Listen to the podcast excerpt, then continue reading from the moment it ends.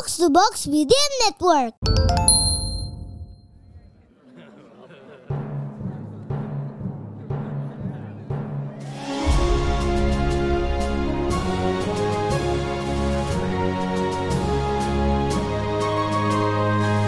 Perhatian, perhatian. Dongeng Paman Geri akan segera dimulai. Semua anak dipersilahkan untuk berkumpul.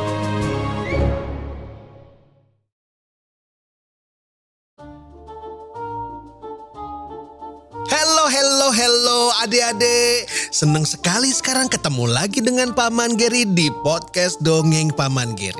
Nah, cerita kali ini Paman Geri akan mengajak adik-adik untuk kenal dengan teman kita yang katanya jagoan di sekolahnya. Adik-adik punya teman kayak gitu gak?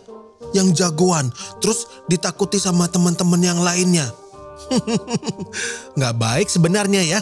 Oh dulu Paman Giri inget lagunya. Dia pikir dia yang paling hebat. Merasa paling jago. Dan paling dahsyat gitu. Wah tapi kalau seandainya kita cerita tentang jagoan ini. Baik atau enggak ya? Yuk kita dengerin ceritanya tentang Beno si jagoan.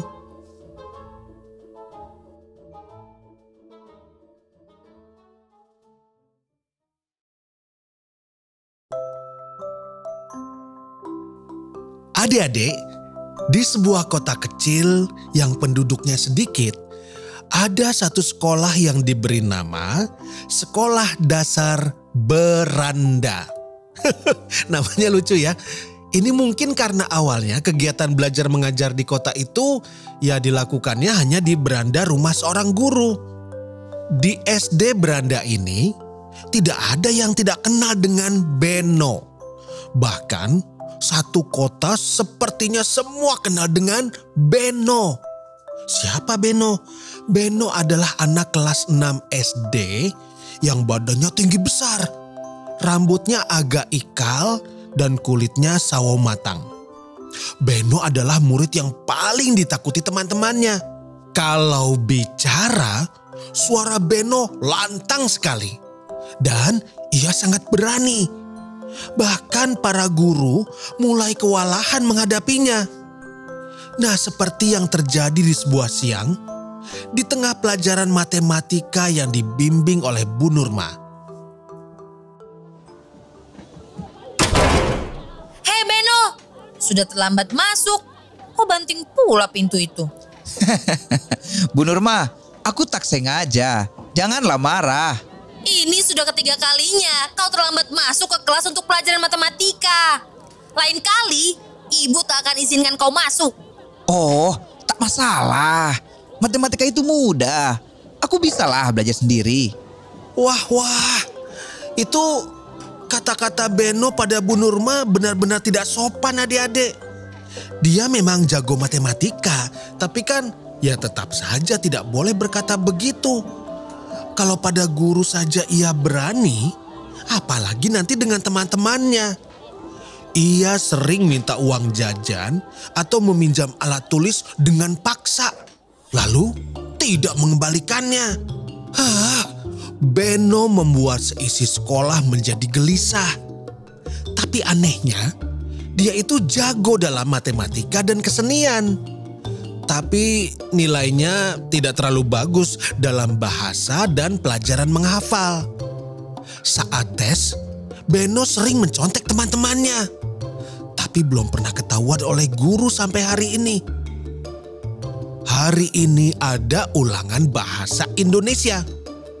Uniknya, Pak Robi yang mengajar bahasa Indonesia memiliki cara baru supaya anak-anak muridnya tidak saling mencontek. Murid-murid setengah kelas diminta untuk keluar ruangan dulu selama 30 menit. Sedangkan setengah lagi duduk sendiri-sendiri di kelas dengan jarak yang berjauhan. Beno terlihat gelisah.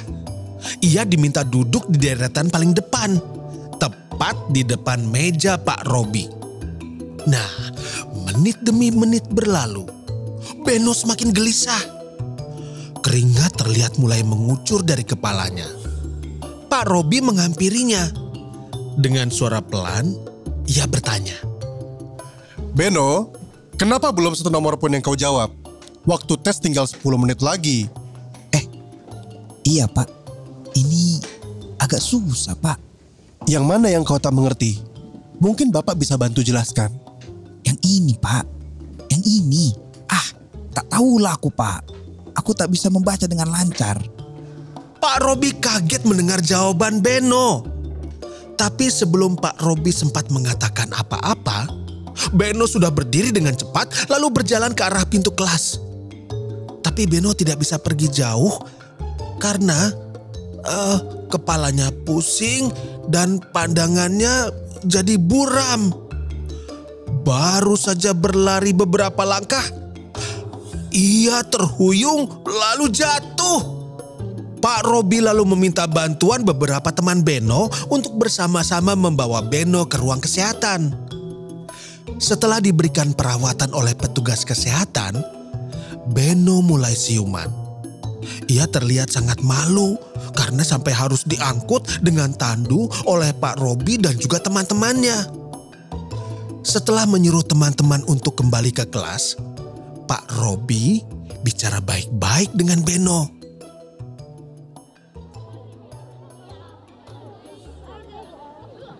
Beno, yang tadi kau katakan itu biar jadi rahasia kita saja. Tapi mulai besok, aku akan mengajarimu membaca. Kau datanglah ke rumahku setiap pulang sekolah, ya? Tapi jangan kasih tahu siapa-siapa ya pak. Tentu saja, tidak ada yang perlu tahu. Kau anak pandai, tapi kekuranganmu dalam membaca membuatmu jadi perundung. Karena kau tak mau ada yang tahu tentang kekuranganmu. Beno tertunduk malu. Dan benar juga, ia ingin selalu dianggap jagoan oleh teman-temannya supaya tidak ada yang tahu bahwa ia belum lancar membaca. Sejak saat itu, sikap Beno berubah. Ia tidak seperti dulu lagi. Bahkan setelah belajar membaca dengan Pak Robi, Beno menjadi juara kelas. Wah, adik-adik juga mau kan jadi anak hebat seperti Beno? Belajar yang rajin ya. Dan kalau ada kesulitan, oh jangan ragu untuk bertanya. Dan juga menceritakannya pada orang tua atau juga dengan guru. Jadi, selamat belajar.